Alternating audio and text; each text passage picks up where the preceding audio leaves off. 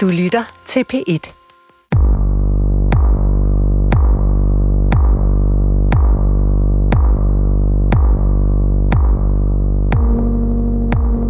Jeg hedder Christian Ditlev Jensen. Jeg er sovnepræst i Kværndrup Pastorat, lige ved Eskov Slot på Fyn, og så er jeg forfatter.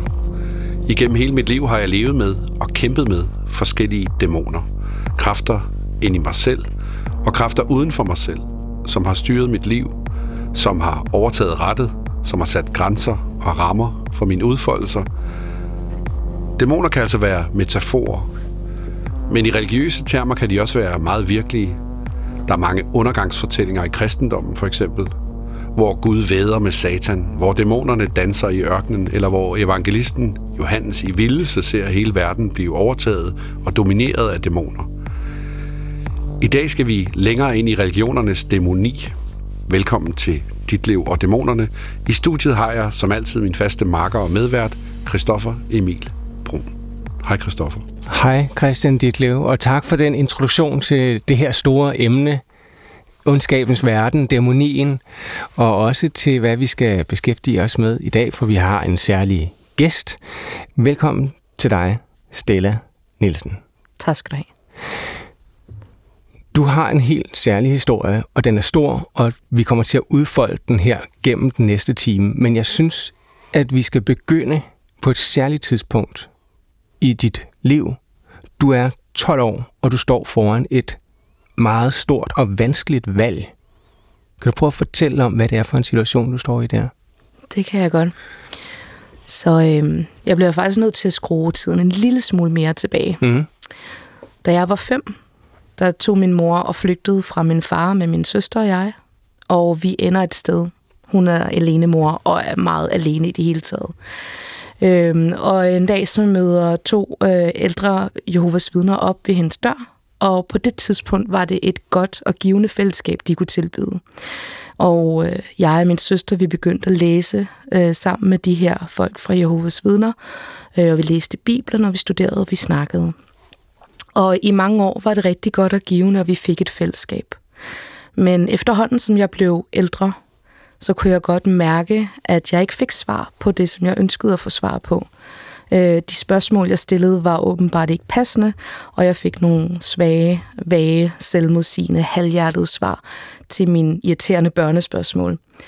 Øh, og da jeg så var 12, og nu når vi til det, Mm der var jeg på en stor samling i Herluf Magle, i sådan en stor sal, hvor folk fra hele, Joves vidner fra hele Sjælland samlede.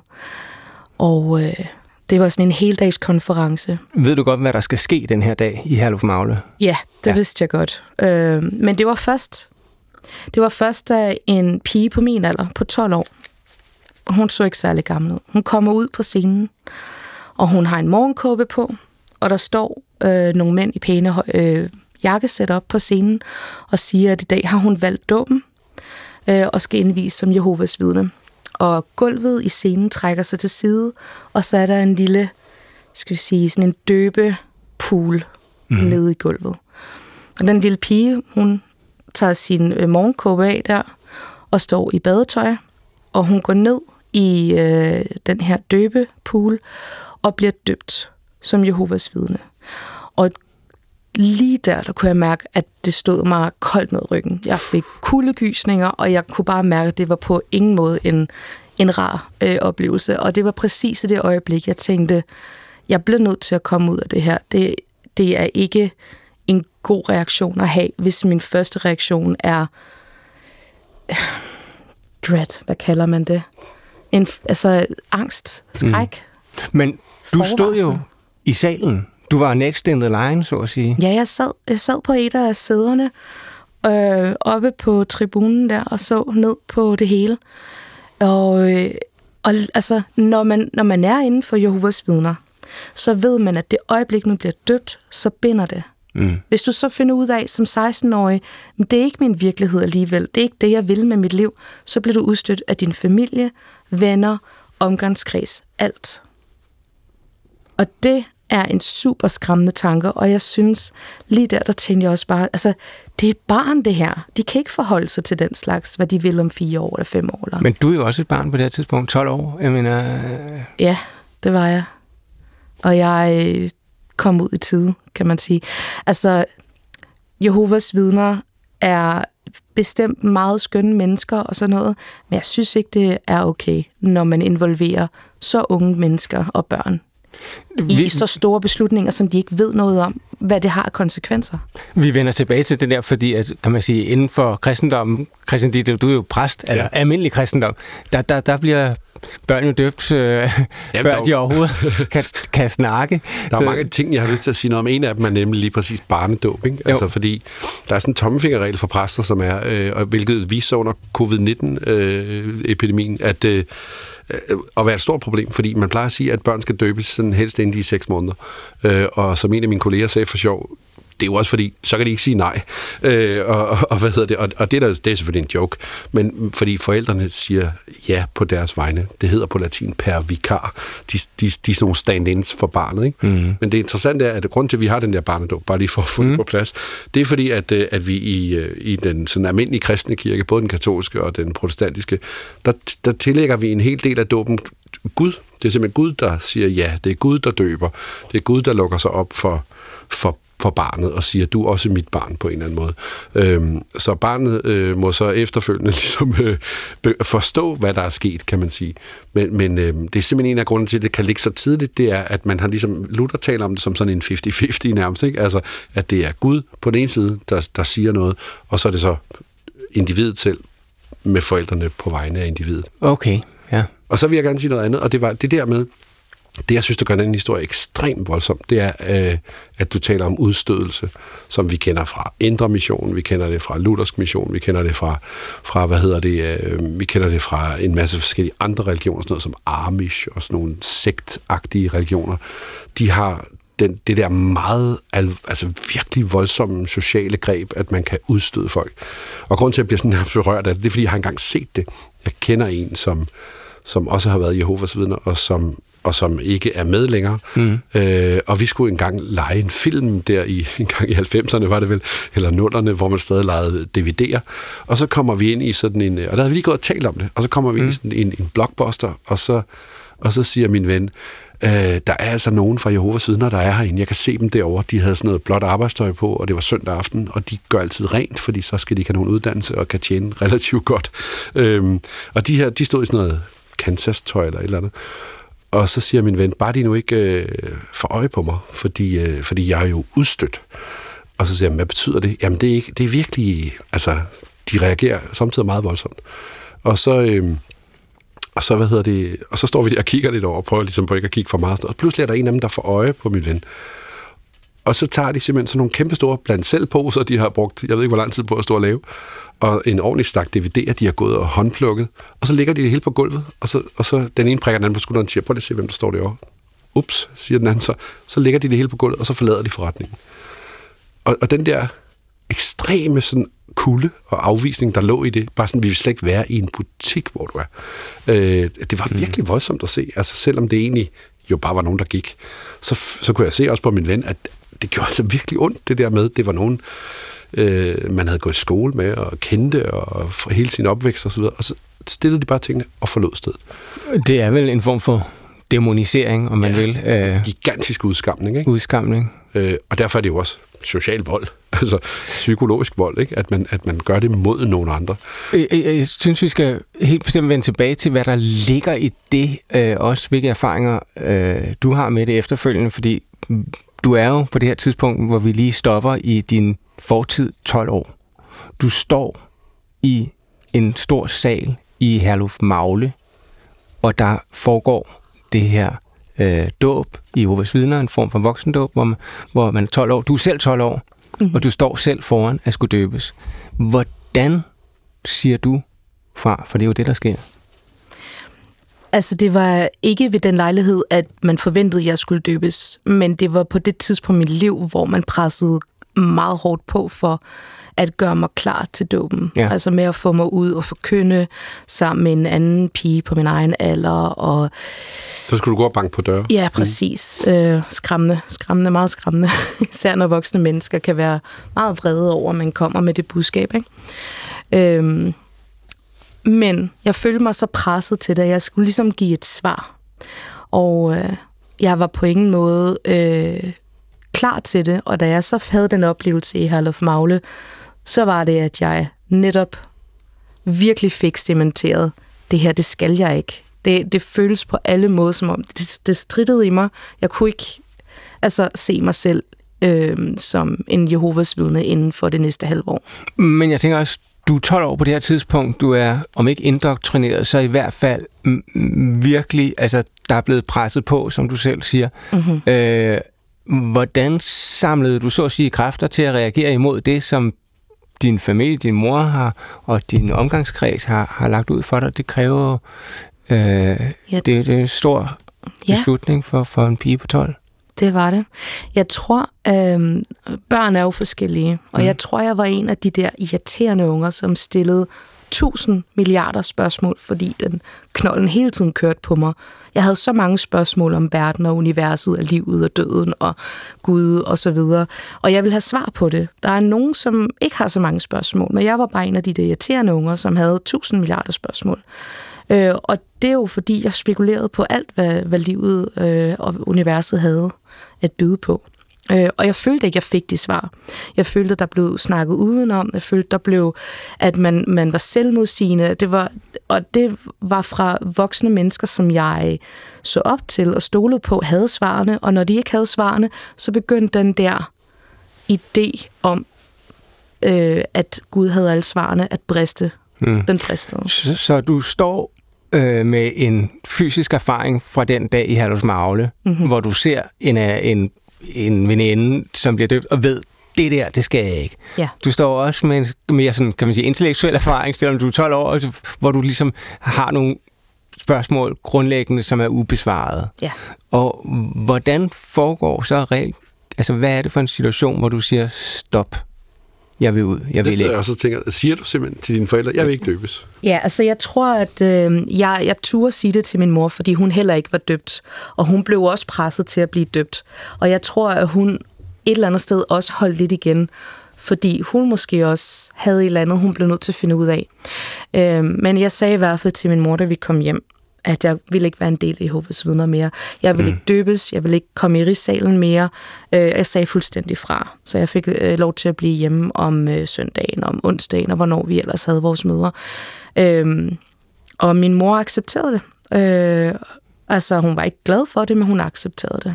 Jeg tror ikke, hun følte, hun havde et valg. Men faldt hele menigheden så fra, det kan man sige? Altså, holdt de op med at ville tale med dig? Og... Nej, fordi jeg var ikke døbt, så det er ikke det samme. Lige så mm. snart jeg har valgt at blive døbt en Jehovas vidne, så gælder der nogle meget, meget strengere regler. Så, øh, så øh, når de så så mig på gaden år senere, jamen, så var det mere sådan en bebrejdende tone. Vi ser øh, du ved, ældre mænd, som havde en idé om, at en ung kvinde helt sikkert måtte være promiskuøs og uden moral og etik, fordi jeg ikke havde Jehova til at guide mig. Mm. Øh, men det var mere sådan noget hvor man siger, ej, hold nu mund, gamle mand, altså du ved ikke, hvad du snakker om. Selvfølgelig har jeg moral og etik, selvfølgelig øh, kan jeg godt selv vælge, hvad der er rigtigt og forkert. Altså det var, jeg tror, det var fordomme fra deres side af, ikke? ligesom vi jo også har fordomme om dem, kan man sige. Ikke? Jo, ja. øh, og, og det kunne faktisk være utrolig interessant at få øh, vendt dem, og måske også afmonteret nogle af dem. Øh, men altså, du er ikke udsat for en egentlig udstødelse, Nej. som vi hører dig. Fordi øh, jeg stadigvæk var til at redde. Fordi du stadigvæk, ja, og mm. faktisk takket være, at du ikke øh, blev døbt. Men hvis vi ligesom spoler tilbage til dit ophold i vores vidner, altså nu hedder det her program jo Ditlev og Dæmonerne.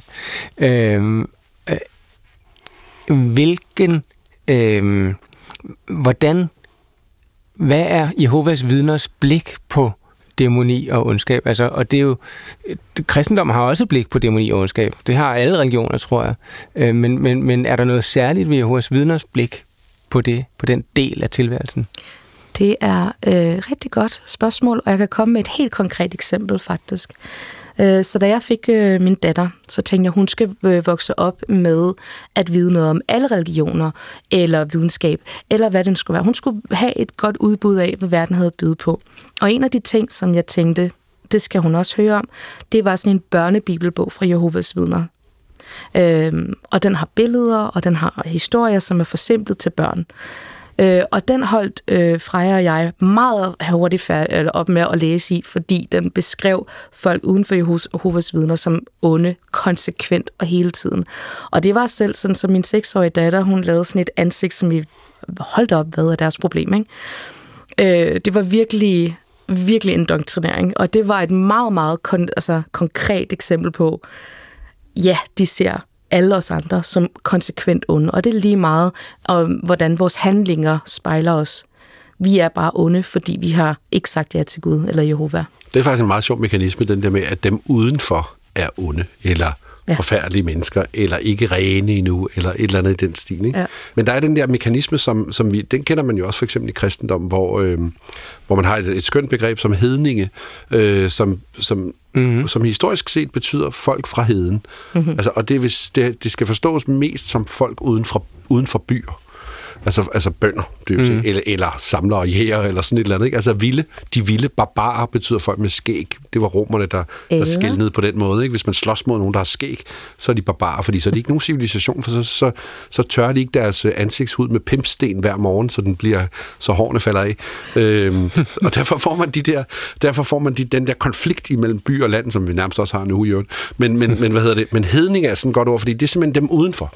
Det er dem uden for muren, det er dem uden for kirken, det er, dem, det, det, det er vikingerne, ikke? Altså, ja. det er alle de der vilde barbarer og germaner og hvad de hedder alle sammen, som er udenfor. Og det der begreb, det har man jo simpelthen i så mange religioner og sekter. Mm. Øhm. Og i kristendom er der vel også noget med, at hvis man ikke er døbt, så er du Altså, det er sådan en meget stor diskussion, fordi unge, moderne teologer, de har jo sådan noget med, at jamen, kan vi ikke sige, at man alligevel kommer i himlen og sådan noget. Men mm-hmm. hvis man sætter sig ned som protestant og læser, hvad Luther skriver, så er der så, og, no way to og, og, og lad os tage et barn, som dør, inden det er blevet døbt så er man nødt til at sige til sådan nogle forældre, at, øh, at vi må virkelig håbe, og det tror vi jo også på, at Gud er en meget nådig og kærlig Gud, som hun ikke på en eller anden måde det går. Øh, men det er ikke det, der står.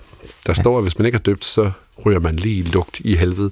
Og jeg, jeg begraver jo ofte øh, folk, som er meget gamle, når, når de dør. Øh, og rigtig mange, der er stadigvæk nogle mennesker, hvis de er relativt gamle, altså over 70, som er hjemmedøbt. Og det vil sige, at barnet bliver født, altså Freja bliver født, hvis nu er du født derhjemme for eksempel, så føder man sin datter, og så ringer man med det samme til præsten og siger, skynd dig at komme. Og så far præsten hen og døber barnet som det allerførste. Altså, mm. Og det er, ikke nogen, det er ikke et sygt barn, eller der er ikke noget galt, men det er simpelthen for at være helt sikker på, at hvis barnet så får tuberkulose, eller, eller lungebetændelse, eller sådan et eller andet, i næste uge, så uh, ryger det heldigvis uh, i himlen. Ikke? Og det er jo den samme idé om inde og ude, kan man ja. sige. Altså frelst eller fortabt. Frelst eller fortabt, Frelst ja. eller fortabt.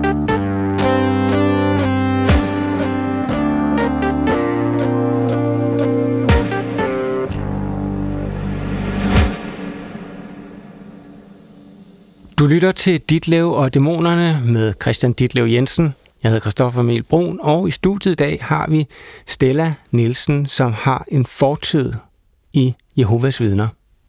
Stella, du identificerer dig i dag som heks, og jeg tror eller tænker, når jeg hører Christian Ditlevs analyse af de her store regioners øh, sådan opdeling mellem det gode og det onde, tænker jeg, det kan være, at hedenskabet har været attraktivt for dig, fordi at det jo faktisk er en øh, religionsforståelse, der forsøger at, at, at, at være sådan mere altfagende, netop også at, kan man sige, øh, ikke udelukke det onde, men, eller de, de mørke sider, men faktisk at øh, lade den være en del af livet.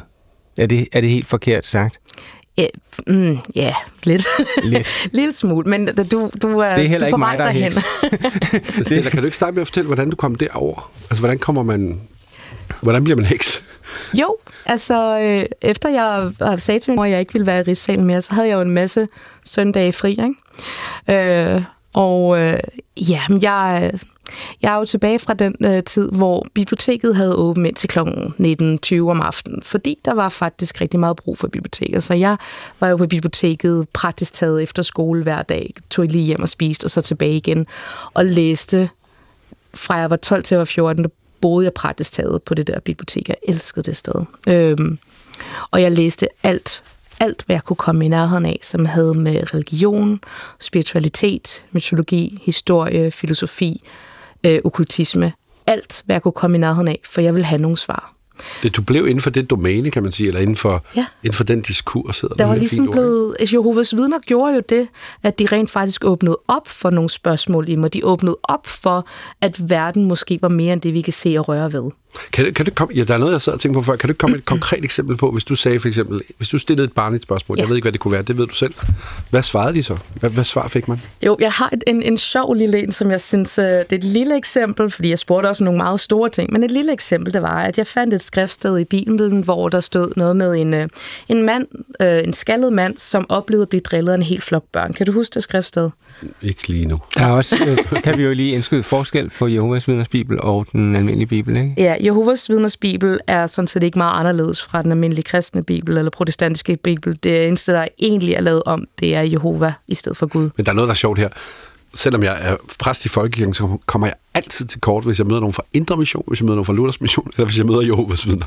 Fordi, de, fordi Jehovas skriften. vidner, folk, der er vokset op med Jehovas vidner, de har jo simpelthen siddet og tærpet Bibelen ja. på sådan en helt vild måde, da de var børn. De kan simpelthen, øh, altså de læser højt, eller de kan sådan recitere lange passager og sådan noget. Og, og, øh, og hvad hedder det, og man skal jo igennem det, når man bliver præst og så videre, men, men vi er jo meget fokuseret på, for eksempel på det nye testamente. Øh, og, og Jehovas vidner, de kan virkelig meget det gamle tit. Og- De hedder også meget ofte sådan nogle øh, gamle testamentlige navne og sådan noget. Ja, ja. Og, og, og du har altså også den her situation præsent med en skaldet mand og nogle børn Ja. fra Bibelen, som Ja. er åbenbart en situation, der er i begge bibler. Ja, så øh, jeg øh, læste det her skriftsted med den skaldede mand, som oplever at blive drillet af en helt flok børn, og han beder Gud om, om hjælp eller assistance. Og Gud lader to hundbjørne løbe ud fra buskene og rive de her børn til skinkestrimler, fuldstændig massakrere dem. Og da jeg så spørger den her ældre mand, som er en af dem, som ved en hel masse og læst hist- øh, Bibelen mange gange, spørger, hvis Gud er en barmhjertig, tilgivende, kærlig Gud, som tilgiver os for vores fejl, hvordan i alverden kan han så tillade at dræbe børn, fordi de ikke ved bedre end at drille en skaldet mand for at være skaldet? Og hans svar var, ah, men de var jo også lidt selv udenom det, var hans svar. Og det var, altså det var, jeg kunne slet ikke forstå, hvordan han kunne give sådan et svar til, altså, jeg, jeg, jeg ved det ikke, jeg, er stadig, jeg undrer mig stadigvæk den dag i dag over, hvordan om han havde tænkt, at jeg var et dumt lille barn, som ikke vidste bedre, og jeg ville glemme det i morgen, eller... Men det er sjovt, fordi man kan jo ikke lave sådan noget med børn. Altså børn kan man jo ikke snyde på den der måde. Jeg har en lille søn, som her forleden dag spurgte mig om, hvad der var uden om universet. Øh, og, og der var jeg jo ved at køre galt i bilen, da han sad på bagsædet og sagde, far, hvad er der egentlig uden om universet? Og, så, og det rigtige svar på det, det er, det ved jeg ikke. Det ved jeg simpelthen ikke, øh, øh, og det, det, det, det, det håber jeg, at vi en dag finder ud af, men det aner jeg virkelig ikke. Jeg ved ikke engang, hvor stort universet er. Jeg ved kun, det vist nok hele tiden udvider sig. Hmm. Øh, og det forstod vi heller ikke, da vi sad og snakkede om det i bilen, hverken ham eller jeg. Og, og det er den eneste måde, man kan svare på, og det er ærligt. Men det der svar, at din selvhænder er blevet revet til skinkestrømler, den er godt nok hæftig. Ja. øh, ellers skal man jo være teologisk og sige, at det der lyder som jødernes Gud. Det lyder som den gamle Gud i det gamle testamente. Det er nok fra det gamle testamente. som dræber de første fødte og sender, ja. sender græshopper afsted og sådan noget. Ikke? Altså en, en, en, Den, rimelig, straffende Gud. Men- men, sur øh, Gud. Ja. Det er grund til, at det er så godt et eksempel. Fordi du siger lige præcis det her med, at, at det er nok fra det gamle testamente. Hvis nu han havde sagt, ja, jeg må nok indrømme, Stella, at Bibelen er nok sammensat af en masse forskellige tekster, som er op til 5-6.000 år gamle, og mange gange så giver de ikke mening i forhold til andre passager. Det ved jeg godt. Øh, men man kan jo forestille sig, at bla bla bla, eller have en samtale med mig. Men han har jo bare øh, svaret lidt vagt, fordi det er ikke et skriftsted, der passer ind i, hvordan Jehovas vidner ønsker, man skal spørge ind til Bibelen, og hvordan man skal svare til det. Det var ikke en del af manuskriptet, kan man sige. Så jeg spurgte om det forkerte, og fik et vagt svar, fordi der var ikke rigtigt. Det var uden for, for, for den konsensus, der er om, hvad man spørger om. Og derfor gik du på biblioteket. Præcis. Jeg vil have nogle svar. Ja. Og, der, og hvad fandt du der, som fik dig ligesom på heksejagt? Ja, på heksenjagt. Så øhm, jeg læste jo alt, hvad jeg kunne komme i nærheden af, og jeg begyndte at finde nogle svar. Og en af de ting, som, som var det første, der ligesom øh, gik op for mig, det var jo det her med, at jul, påske, alle sådan nogle kristne højtider egentlig, faktisk har en hedensk skal vi sige, hedensk afstamning på en mm. eller anden måde. Så jul, hvis man kigger på, øh, hvordan vi fejrer jul, vi kalder det ikke kristmesse, vi kalder det Christmas, vi kalder det jul, ligesom det gamle ord jul. Øhm, vi holder det på den 24. som er lige ved siden af midvinter, hvor at man i hedens tid holdt julen for... Altså, er det tre dage efter, ikke? Eller sådan? Ja, cirka. Sådan ikke? Sådan lige ja, omkring. det svinger lidt. Det. Præcis. Mm. Øh, vi har julebukken, for eksempel, som er super hedensk symbol. Øh, vi har øh, juletræet, som er et hedensk symbol. Vi har... Øh, jamen, altså, jeg kunne fortsætte påske. Påskeæg. Hvem, hvad har Jesus med påskeæg at gøre. Hedensk symbol, ikke? Det er jo det fertilitetssymbolet for forår og ny start og så videre, ikke?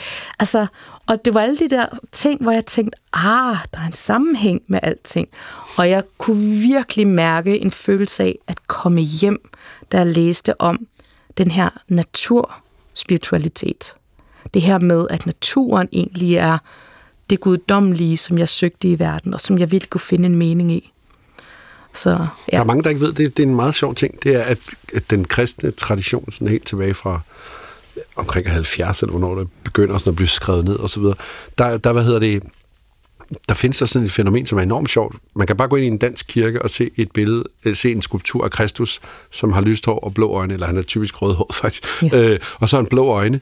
Ja. Og, så, og så kan man øh, se et billede ned fra, øh, fra Gaza, hvor der løber en eller anden øh, rundt, øh, en lokal person.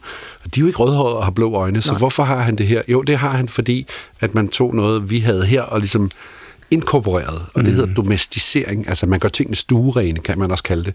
Og en af tingene, det er faktisk påskeægget, hvor man, hvor man havde det her øh, sådan et, øh, et øh, fertilitetssymbol, ikke? Ægget, altså kvindens æg også, og, mm. og, og, øh, og man, man siger jo også så sæd og sådan noget, ikke? Altså man har de her frugtbarhedskulte i gamle dage, og så tager man det ind, og så laver man sådan en fortolkning af det, som er kristen. Og, og så pludselig er det kristent. Mm. Øhm, et æg det. består af tre ting. Skallen, viden og blommen. Det er den hellige treenighed. Øh, man har solen i midten, som er jeg er lyset, og så har man øh, viden udenom, som, øh, som er faderen, der ligesom nærer, og så har man en skal, der holder det hele sammen og som er porøs, og som er en ånd. I virkeligheden, ikke? Sådan en eller anden kalkånd, eller hvad ja, ved jeg. Ja. Sådan nogle vilde fortolkninger laver man. Og, og det er der altså rigtig meget af. Grundtvig, han er jo et godt eksempel på det. Øhm, du har en, en datter, der hedder Freja, Øh, jeg har også en søn med sådan et nordisk navn, mm-hmm. og det er simpelthen fordi, at, øh, at, at øh, altså for først kan man jo tage et nordisk navn, hvis man ikke har lyst til, at det skal lyde kristent, men der er faktisk også mange kristne, som, som har øh, børn, der hedder øh, nordiske navne. Så har man en, øh, en en øh, datter, der hedder øh, for eksempel, øh, eller man har for eksempel, øh, jeg skal lige tænke mig om, altså Chalfe kunne man hedde, eller sådan et eller andet, øh, som, som, som var et nordisk navn. Øh, og, øh, og det har man så, fordi at der er en tradition for Grundtvig, som er, vi tager alt det norrøne, alt det vikingeagtige, det tager vi med ind, og det står jo mm. i salmerne. Øh, jeg har lige været til julekoncert i går, hvor der blev sukket hele tiden om at tænde lys. Det er jo også sådan noget øh, lysfest, ikke? Øh, hvor, der bliver, hvor der bliver talt om juletræet med sin pynt, øh, og altså alle de der ting. Og det er simpelthen alt det der udenfor, apropos indenfor udenfor, mm. som bliver domesticeret, så tager man det ind og gør det Øh, stueren bliver jeg aldrig, men, men det gør altså men det gør, det gør de vilde. Det gør det, det og vildskaben og naturen, som du siger. Ikke? Øh, og det er jo sådan en form for det, det er jo nok fra gamle dage, hvor de kristne missionerede meget, og hvor man har sådan en magtpolitisk måde at gøre det på, hvor man siger, hvordan får vi fat i de her mennesker? Hvis man sidder og keder sig derhjemme og gerne vil, vide, vil, vil opleve det her, så findes der en, øh, en fantastisk messe, som hedder Missa Criolla, som er en katolsk messe, som er spillet på indianske instrumenter, øh, og man kan faktisk få den med José Carreras, der synger for. Så det er blevet sådan meget populært igennem historien. Og det er sådan et rigtig, rigtig godt eksempel på, at man tager den katolske kirke og sender til Sydamerika, og så tager man alt det, der er der, af instrumenter, sange, traditioner, folkelighed, og så putter man det lige ind under, ind under messehalen, hmm. og så siger vi bare, at det var katolicisme. Og det er jo sådan en måde at... Det er også en måde at, sådan afmy, altså at ligesom tage magten fra fra det, som er udenfor. Og jeg synes, der er noget, som er spændende ved det her, og det er, at når, når du beskriver det som, og jeg også selv beskriver det som noget andet udenfor, så lige inden vi startede, så sad vi faktisk lige og snakkede sådan løst om, at det har man jo nok i virkeligheden altid levet med parallelt på en eller anden sjov måde. Jeg, jeg kunne sådan et mm. sjovt eksempel, jeg lige fortalte Stella, som var, at jeg blev meget overrasket, da jeg så et billede af min oldefars øh, dagligstue. De boede i sådan en kælder ude på landet, og var sådan nogle tredje generations festebønder eller et eller andet, og, og havde jo ikke noget som helst. Men så havde de sådan en, en Torvaldsens Kristusfigur stående op på en hylde, øh, fordi det har man jo, mm. fordi man er jo kristen, man er jo protestant. Og så, og så har han fået en salmebog, en smuk gammel lederindbundet salmebog, og den åbnede jeg så, og så lå der en firkløver. Og det er faktisk så sjovt, ikke? Man har salmebogen, og den organiseret religion, ja. men altså ude på marken har min oldefar fundet en firkløver, og det ved vi nok, hvad det betyder. Ja, så, for, så folk, og det har han sin, har han sin bedstemor, at øh, folketroen er lagt folketroen ind i og, og folkloristik og, mm. og, og dæmoni, ikke? Altså ja. kræfter udefra. Ja, du lytter til Dit laver dæmonerne. I studiet er Stella, som øh, har fortalt om din fortid, øh, del af din opvækst i Jehovas vidner, og også om, hvordan du øh, sagde fra over for det, og nu øh, er vi i gang med at lytte til din øh, den del af din historie, som øh, hvor dit liv øh, går imod hekseriet, hedenskaben. Øh, og Jeg vil gerne høre noget mere, hvis du kan du ikke fortælle noget mere om, hvad det vil sige for dig nu? Altså, hvordan det er en del? Jo, altså... altså øhm, hvordan bruger man, eller tror man på det, eller hvad gør man? Så, øhm, to sekunder. Undskyld mig. Kan ikke noget? Så øh, min heksekunst og øh, min måde at se verden på er... Øh, nogen tror, det er bare en hobby eller min fritid, men det er det er den, jeg er. Det er min, en del af min identitet. Det er den måde, jeg ser verden på, og det er den måde, jeg forholder mig til verden. Og øh, den her spiritualitet, jeg har med naturen, er... Øh, er noget, som, som altså jeg føler, føler ligesom, at det er modsat af, hvordan jeg inden for Jehovas vidner, hvordan man blev beskrevet der, som at naturen blev skabt til mennesket, og mennesket var over dyrene, over naturen. Mm. Men som heks, eller som spirituel, som naturspirituel, så er jeg et dyr, ligesom alle andre dyr. Jeg er et pattedyr, ligesom alle andre pattedyr. Vi mennesker, vi udviklede hjernen i stedet for kløerne. Øh, og jeg synes, at det er en, en, en arrogant ting, vi mennesker gør, at tænke, at fordi at vi er klogere end dyrene, så er vi også ikke dyr så er vi også over dyrene, over naturen, og kan ligesom bruge naturen, som vi har lyst, og bruge dyr til dyreforsøg osv. En enorm arrogant holdning, synes jeg, det er hos nogle mennesker. Og jeg ved godt, ikke alle er sådan, men som en overordnet ting. Altså, vi er ved at dræbe vores planet lige præcis nu. Så, så det er en del af min overbevisning, er, at jeg er et dyr ligesom alle andre dyr, og jeg er en del af naturen, ligesom alt andet er. Og det så finder jeg min spiritualitet. Øh, jeg ser guddommeligheden i naturen som, øh, skal vi sige, en, ikke en entitet, men som en, en form for energisignatur. En, den her energisignatur, som er guddommelighed, findes i naturen, i alt, hvad jeg ser omkring mig, og den findes også i mig selv. Så på en måde kan man sige, at jeg er min egen Gud. Jeg, er min egen, jeg har min egen guddommelighed i mig. Og derfor bør jeg øh, ikke tage min tilbedelse uden for mig selv og tilbede en Gud, som jeg ikke kan forholde mig til, men jeg bør tilbede det materiale, jeg selv har lavet af, tilbede naturen, som jeg er en del af. Og det gør jeg blandt andet ved min heksekunst. Øh, de fejringer, jeg har sammen med mine medhekse osv. Hvad er det for nogle? Kan du beskrive nogle af dem? Vi har et årsjul. Øhm, og øh, der er, hvad hedder det, vi har otte fejringer på det her årsjul. Men hvis man skal tage den sådan stringente nordiske årsjul, så har vi jul den øh, 22. December, og så har vi forårsjævndøgnet, og vi har midsommeren, og vi har efterårsjævndøgnet. Og de her fire årstider øh, repræsenterer forskellige livsfaser også. Så hvis vi starter ved øh, efterårsjævndøgnet, så er det der, hvor alting er i processen at dø. Og når vi kommer til jul, så er det selve døden som en tilstand, som en lidt mere stagneret tilstand. Så har vi forårsjævndøgnet, som er starten på alt liv, og så har vi midsommeren, som er der, hvor livet blomstrer og er mest potent. Det er der, hvor fertilitetsideen også kommer ind. Mm. Ja. Det passer wow. også med ens intuitiv forståelse af det, ikke? I Lige virkeligheden, ikke? præcis. Altså, at man kan se bladene falder af træerne, og som mine børn siger, hvorfor bliver det helt så trist?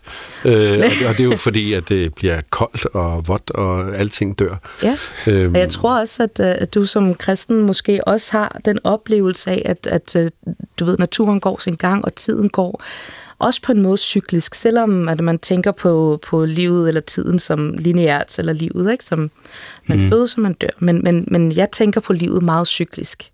Øh, og jeg tror, men der hvor forskellen er måske på du og jeg, eller en af forskellene er, at for mig er efteråret og vinteren du ved, processen at dø, at forfalde, og selve døden som den her tilstand, er for mig ikke noget ondt, dårligt eller skræmmende. Det er faktisk en tid for hvile, og en tid til at starte forfra. Og jeg ser det som på en spirituel set, øh, på, øh, altså, som en super, super vigtig del af livet, at man virkelig anerkender døden, eller det at dø, eller det at forfalde, som en super vigtig og smuk ting ved livet. Der er kommet sådan en, det er sjovt, fordi der er sådan en udvikling i den der måde at se på døden på, for jeg kan nemlig godt genkende Ja. også det, altså at øh, noget, jeg savner for eksempel meget i vores dage, det er sådan, at alderdommen ligesom kunne få lov at være alderdommen, altså at man kunne få lov at være mm. gammel. Det hedder gammel, det hedder ikke ældre. Det kommer jo først bag gammel, ældre, ældst. Det var der en gammel mand, der engang lærte mig. Hmm. Han var gammel. Han insisterede på at være gammel, for han ville i hvert fald ikke være ældre eller ældst, for det er jo, de, det er jo dem, der er ved at dø. Øh, hvad hedder det? Men han havde den her ligesom forestilling om, en, eller, eller det har jeg i hvert fald, sådan en forestilling om en fase, hvor man faktisk godt må gå på pension, uden at gå i løbesko og jeans og være fuldstændig, jeg skal lige ud og redde verden. Nej, du skal da, du skal komme med nogle gode råd til de unge, øh, hvis du har nogen, og ellers skal du tige stille, og så skal du gøre dig klar til at dø. Jeg tænker også, Christian Ditlev, når jeg hører Stellas, øh, Stella fortælle om hedenskabet, og også ligesom sætte det op i forhold til kristendom, og du ser det som næsten arrogant af kristendommens blik på mennesket som noget øh, overlegent. Jamen, det synes må jeg er meget interessant, være- fordi, fordi at der står i Bibelen, at mennesket er, som du siger, overordnet dyrene. Øh, det står i det gamle testamente, i skabelsesmyterne osv. Og, og det er jo altså noget, som sådan, øh, som sådan provokerer på en eller anden måde, fordi hvis man for eksempel øh, spiser dyr, hvis man spiser kød, øh, så skal man jo forholde sig til, at man tager et andet liv fra et dyr, og hvis man tog det fra et menneske, kom man 12 år i fængsel. Men hvis man slår et svin ihjel for at få noget bacon til morgenmad, så, øh, så, så, så, hvad hedder det, ja, så får man ingen straf. Allerhøjst nogle pesticider, hvis man ikke køber det rigtige. Øh, hvad hedder det? Men, men det er virkelig interessant det der med, at, at der er den der skældning. Øh, og hvordan man skal fortolke det. Fordi der er faktisk nogle øh, teologer, som er begyndt at ligesom lade den der tankegang fylde i deres fortolkning, så, mm. så de siger, det var aldrig meningen, at man skulle udbytte naturen. Det var aldrig meningen, at man skulle smadre jordkloden. Det var aldrig meningen, at man skulle æde alle dyrene. Og den nye bibeloversættelse, så vidt jeg husker, så har man erstattet det her med mennesket hersker over naturen til noget andet, øh, lidt mildere øh, Det er nok den mundrette formulering. 2020-bibel, hvor man, sådan, øh, hvor man prøver på at, at gøre det sådan mere øh, folkeligt. Mm. Jeg synes, er nogle steder, der faktisk er spændende. Jeg synes faktisk, de steder, man slår sig på i Bibelen, er spændende. Hvor man sådan tænker, fordi det er også nogle trospørgsmål. Kan jeg leve med det? Altså, kan jeg leve med kan jeg leve med, øhm, altså, og så får man jo så bliver man skudt ligesom tilbage, synes jeg, til sådan en bondekultur, som også er forbundet med det, du repræsenterer på en måde, ikke? Fordi hvis man lever i pagt med naturen, og det gør jægere og bønder og vikingerne og gjorde det og sådan noget, ikke? Altså, hvor man, hvor man på en anden måde lever sammen med naturen, man får måske også noget ud af naturen, men så har man i hvert fald en afgrundsdyb respekt for naturen samtidig. Og det er nok noget af det, som jeg i hvert fald godt kan savne sådan i, i moderne tid. Ikke? Altså, ja. at man, at man øh, hvis man aldrig har slået et dyr ihjel, og sidder og spiser bøffer hver dag, eller hvis man aldrig har sendt det til slagtning. Jeg er foravler og sender dyr til slagtning. Mm. Og den dag, den er virkelig, den er ikke for børn alligevel. Og, og hvorfor er den ikke det? Det er jeg jo nødt til ligesom at tænke over. Altså, er det, skulle jeg lade være med det? Eller hvad? Eller hvad er det, der foregår? Altså, og det er meget provokerende, fordi, fordi jeg føler mig sådan meget beslægtet med min bondebaggrund, sådan nogle mm. generationer tilbage, og, og kan mærke, at det trives jeg egentlig meget godt med, det her med at være i en relation til natur og så videre. Mm. Men det er meget interessant det der med, øh, at det, der har gjort for mig i hvert fald, at være involveret i det selv, det er, at det kan godt være, at jeg fortsætter med den adfærd, jeg har, men det er min fuldstændig anderledes bevidsthed Ja. end, end før. Øhm. Interessant.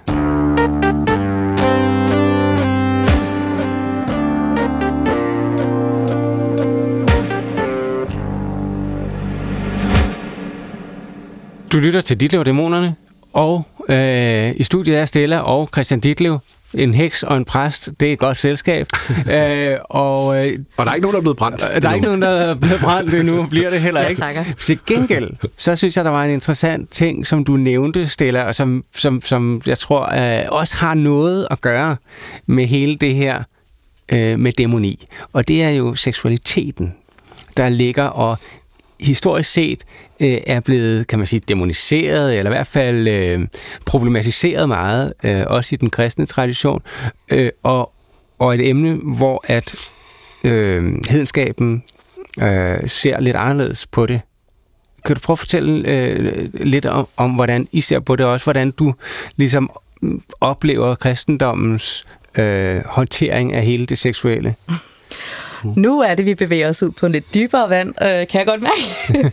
Men ja, jeg skal prøve at gøre det så godt jeg kan. Så øh, ja, I må tænke på, at jeg er jo blevet bragt op øh, med en kulturkristen baggrund, og inden for Jehovas vidner, der blev seksualitet udskammet ekstremt meget. Så jeg voksede jo op med øh, faktisk at have et meget forkvaklet forhold til min egen krop og min egen øh, seksualitet og, og lystfølelse og alt sådan noget. Fordi... lige indskud spørge, er det rigtigt, at man simpelthen ikke lærer noget om seksualitet? Ja. Altså, altså det er sådan jeg... helt tabuiseret, man ja. får slet ikke forklaret noget. Nej, da jeg var 11 og fik min menstruation, og jeg sagde det til min mor, da hun kom og hentede mig fra skole, så rempede hun helt ansigtet sammen, kiggede direkte lige ud og gik med mig hen til Netto, købte mig en pakke bind, og så var det det. Jeg havde håbet på en fest, men det fik jeg ikke. Jeg fik en pakke bind i stedet for, og så blev der ikke snakket mere om det. Oh. Så det er virkelig, øh, ja, inden for Jehovas vidner, der oplevede jeg i hvert fald, jeg kan ikke sige for andre, men for mig var det en meget demoniserende ting at have en seksualitet, og det at have lystfølelse, og det der med sex i det hele taget, det var... Øh, det var en skammelig ting, og det har jeg brugt mange, mange år på at dekonstruere, og jeg synes, jeg er kommet videre nu, hvor jeg kan sige, jamen, sex og seksualitet, fertilitet og sådan noget er en naturlig, smuk ting, som er en del af menneskelivet, og som er en del af den menneskelige oplevelse af verden. Øh, og vi var ikke blevet skabt med de kroppe og de funktioner, vi har, øh, hvis man kigger kristen på det, hvis ikke der var en mening med det. Det kan man ikke forestille mig. Øh, så øh, nu, på nuværende tidspunkt, jamen, så har jeg det sådan, øh, det her med ordenes skyld og ordene skam, det prøver jeg at få helt ud af mit ordforråd og ud af min tankegang, øh, fordi jeg synes ikke, det er skamligt, og at der, øh, man har sex mellem to mennesker, som er, har konsensus omkring det, eller tre mennesker, eller fire, eller hvad man nu bestemmer sig for, eller samme køn osv. Øh, på nuværende tidspunkt, så er det sådan, jamen jeg identificerer mig som panseksuel, det vil sige, jeg er interesseret i mennesker. Jeg er ligeglad med, hvilken øh, kødmobil de render rundt i de næste 80 år af deres liv. Jeg er interesseret i mennesket bag. Øhm, og det er også for mig en eller anden form for frigørelse af øh, det her med, at man kun må være sammen mand og kvinde, og der findes kun mand og kvinde osv. Nej, væk med det. Vi er mennesker, og vi tiltrækkes af mennesker. Og det er sådan, jeg gerne vil holde det. Øh, så det her med fertilitet, det er jo inden for hedenskaben og heksekunsten, der er fertilitet jo øh, et symbol på en forening mellem forskellige guddommelige kræfter. Øh, vi har blandt andet et, et mindre ritual inden for øh, noget af det heksekunst, som jeg laver, øh, som hedder øh, øh, koppen og altamen, øh, som er en hellig kniv, som øh, altamen bliver ført ind i koppen eller ned i koppen i vinen for ligesom at, øh, at, at symbolisere en sammenkomst mellem mm, altså et maskulin princip og et feminin princip, selvom i bund og grund, så er vi jo også i gang med at ligesom skal vi sige, se, at verden ikke kun er maskulin og feminin. Der er mm. mange ting i det spektrum. Men du siger også principper, eller ja, energier, eller hvad skal man sige? Energier, mørke, lys, dag mm. og nat, øh, kaos og kosmos. Altså, I buddhismen er det en diamant og en lotus. Det er ja. sådan, det, og det er i virkeligheden også det der med, og det synes jeg egentlig er meget interessant, at, at det er sådan forskelle på køn, så kan man konstruere dem, som man har lyst til, mm. hvis man er, mm-hmm. har lyst til at være sådan en, der konstruerer køn. Men hvad hedder det? Men det er også bare principper. Der er jo også Jung og sådan noget, der samler det i en person og siger, jeg har noget diamant, jeg har noget lotus, jeg har noget mand, jeg har noget kvinde. Animus og anima. Præcis. Ja. Øh, så, så man kan jo godt sige, at man har de kvaliteter i, i så på en eller anden øh, måde. Øhm, men der er noget sjovt ved det, som er, at, at øh, altså meget af det her, det er jo sådan noget, hvis man tør at tale om det, så er det jo, så er det jo noget, som hvis man går meget, meget, meget, meget langt tilbage i tiden, så, så er det jo noget, som, som, som formentlig er årsagen til, at kroppe og så videre fungerer, som de gør. Altså et godt eksempel, det er orgasmer, hvor, hvor mænd får sådan en, en meget hurtig orgasme, og så, og så er det nærmest lige før, de vemmes ved, ved den, de har været sammen med lige bagefter. Ikke? De, lægger sig, de lægger ryggen til at falde i søvn, og hvis man, hvis man er meget feministisk, kan man sikkert live dem op igen til en ekstra performance, men dybest set så er de færdige, når, når de ligesom har fået udløsning. Kvinder derimod, de kan ligesom øh, blive ved og ved og ved, øh, og, de, og der er en af teorierne er jo, at der, at der er sådan en gammel apropos det, vi snakkede før, hedensk fest, hvor, hvor, som er sådan en forårsritual, hvor man for, skal have forplantet øh, nogle, man skal have lavet nogle børn, mm. og så har man sådan nogle fester og nogle orgier af forskellige slags, hvor kvinderne så ligesom er til rådighed, og så er det simpelthen mænd på skift, ikke? altså sådan en form for gruppe sex eller et eller andet, men altså der er en række af mænd, og så er det bare en af gangen, fordi så er der ligesom held i sprøjten ved en af dem på en eller anden måde. Mm. Og så får man nogle børn. Det er sådan en slags Roskilde Festival light, øh, bare, bare i gamle dage. Ikke? Øhm, og den der og det er jo sådan en, nærmest, en, øh, nærmest sådan en økonomisk tankegang, hvor man siger, at vi skal simpelthen have udnyttet altså, at det ikke er altid det lykkes. Så hvis vi bare har en mand og en kvinde, så, så er der for mange, der ikke får, øh, der ikke, der ikke får børn. Mm. Så, så vi skal simpelthen have øh, gangen her. Og så en af teorierne er så, at derfor er kroppene lavet til den form for lyst. Altså til, at man falder ud af rækken, når man er færdig, og kvinden vil gerne have noget mere, fordi hun er klar, sådan set. Ikke?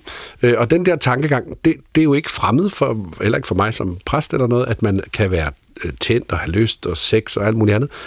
Det interessante er bare, at kroppen er, som den nu engang er.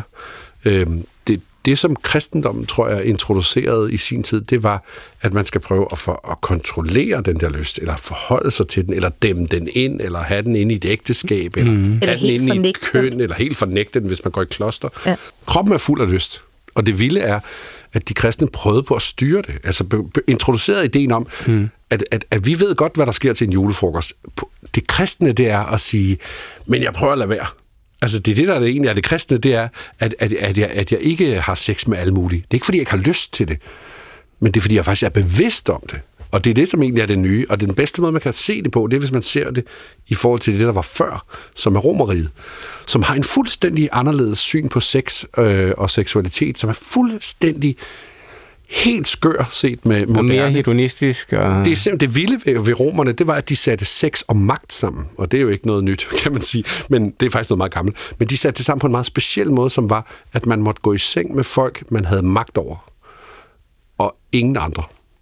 Det var det, ikke gået i dag, som man Det siger. var ikke gået i dag, nej. Det er sådan en slags øh, omvendt MeToo, ikke? hvor man ja. siger, mand må gå i seng med kvinden, fordi at han har magt over hende i, i husstanden. Han må, øh, hvad hedder det, også gå i seng med børn, øh, hvis de er hvis de ikke er hans egne børn, for det kunne han jo ikke drømme om, det er jo fantastisk, det er jo hans efterkommer, men slaver for eksempel, mm. alle slaver må man gå i seng med. Øhm, og det er helt ned i sådan nogle detaljer med, at, øh, hvad hedder det, at, øh, at den aktive part i et samleje skal være den, der har mest magt. Så en, øh, så en, en romersk borger må gerne ondulere en mandlig slave, men den mandlige slave må ikke ondulere et romersk borger, fordi så opstår der et miskmask imellem, øh, imellem de der ting. Og det der med at have en helt andet syn på seksualitet, det er ret, ret funky filosofisk at prøve at rumme, fordi vi simpelthen ikke kan rumme andet end, at kroppen er syndig, og så er man, skal man, er man skyldig, og man skal udskammes og alle de der ting. Vi kan simpelthen ikke rumme, at man kan have et helt andet syn på det. Øh, romerne havde, det, det, det er den bedste måde at sætte det i relief på, det der syn på død og leg. Mm. At det er smadret sjovt at slå folk ihjel. Prøv at se ham der, han brænder. Ha, hvor er det skægt. Altså, det kan man slet ikke sætte sig ind i nu. Gladiator. At, gladiatorkampe, ja, det, det er ja. det bedste eksempel. Men der var også en af de romerske kejsere, som øh, oplyste sine havefester ved at tænde kristne, han havde døbet i olie som sad i nogle buer, og så brændte de, og så var der lys i haven, mens de festede. Og prøv at se ham der, han krøller helt sammen. Var det sjovt. Altså, det kan man slet ikke rumme, at, øh, at man kan have sådan et sadistisk, Nej. ondskabsfuldt billede af andre mennesker øh, som kultur. Men der... det vil sige, der kan være, og det er bare for at sige, at når du stiller og siger, hvad nu hvis man havde et skyldfrit, et skamfrit syn på seksualitet, et kønsløst, det, det lyder forkert, men et kønsfrit mm. syn på seksualitet. Hvis man får fuldstændig revet ud af den vestlige civilisation, som vi har kendt den i 2000 år, kan man også sige, hvordan vil det så være? Kan man det? Altså, og det, og det, det er der jo sikkert nogen, der vil sige, var det nye. Altså, men der er også nogen, der vil sige, at, øh, at hvad hedder det, øh, hvordan ender det? Ja, jeg værdsætter virkelig den åbenhed, du har over for verden, Christian. Nej, jeg synes bare, det er meget interessant, fordi der er mange, der tror, at man, at man hvis man at hvis man for eksempel er en kristen præst, så, så, så, så tror man slet ikke, at mennesket har en seksualitet. Altså en af mine kolleger, som hedder Paul Joachim Stenner, han, han, han, blev, øh, han blev meget, meget synlig lige pludselig, fordi han, fordi han egentlig sagde noget meget, meget, meget old school kristent, hvor han sagde, der skal bare fuld knald på lanerne, det skal bare være inde i ægteskabet. Men så mm. snart man er inde i ægteskabet, så er det bare fuld skrue, og så skrev han en bog om seksualitet, og hvad man kunne lave på de laner og så videre.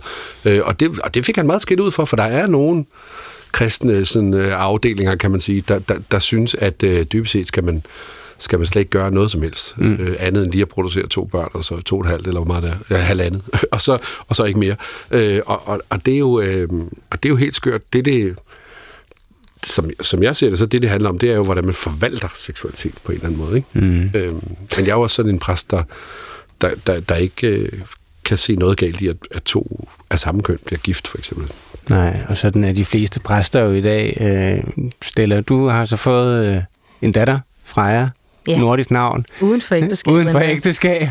Øh, og det, det lyder som om, det er gået meget godt alligevel. Altså, hvis du nu kigger tilbage på øh, din, din oplevelser og erfaringer fra Jehovas vidner, og så øh, din sådan, dit arrangement i det her hekseri eller hedenskab, eller hvad man nu skal kalde det.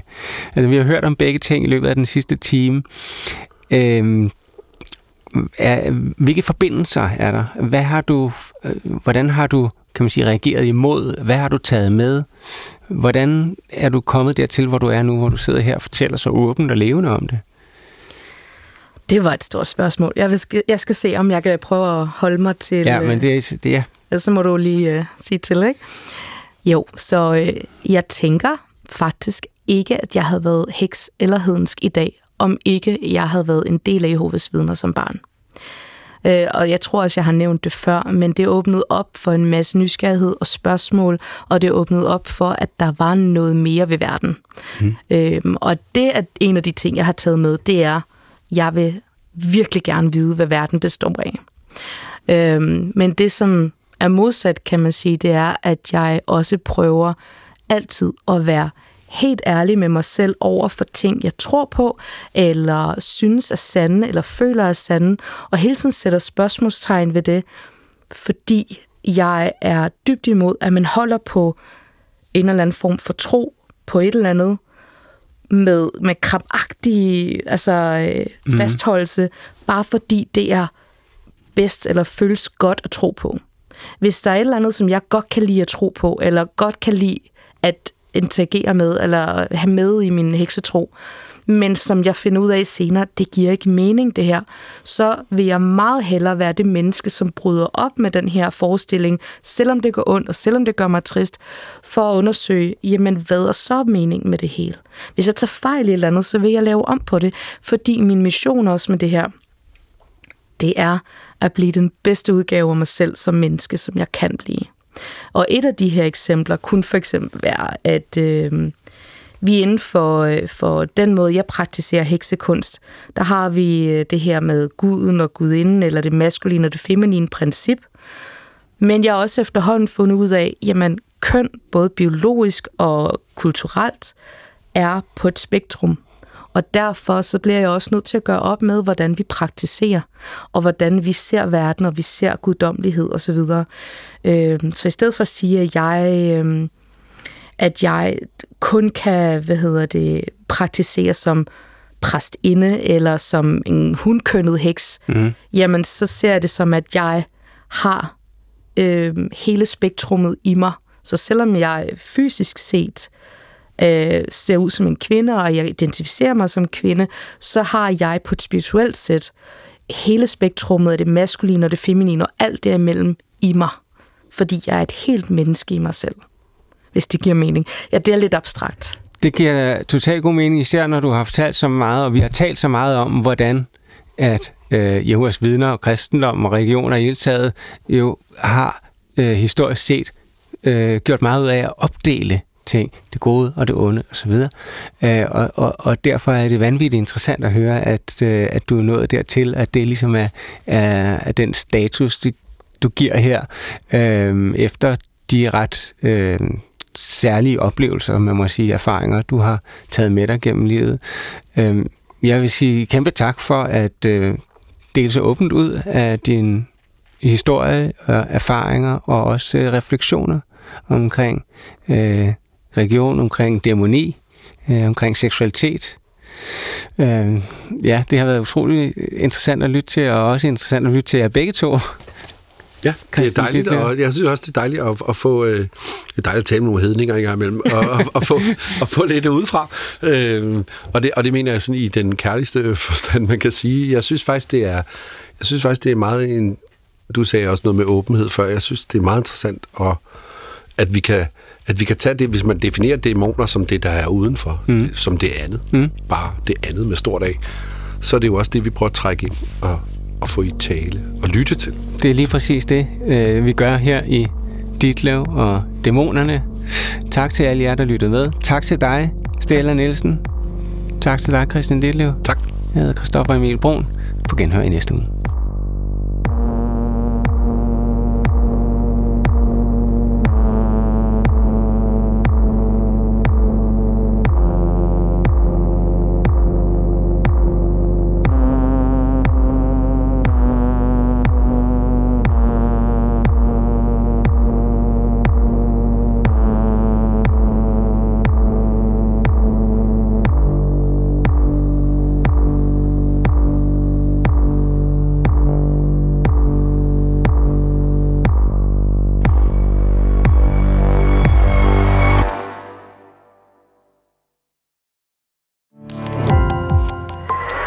Opdagelse i alle DR's podcast og radioprogrammer. I appen DR Lyd.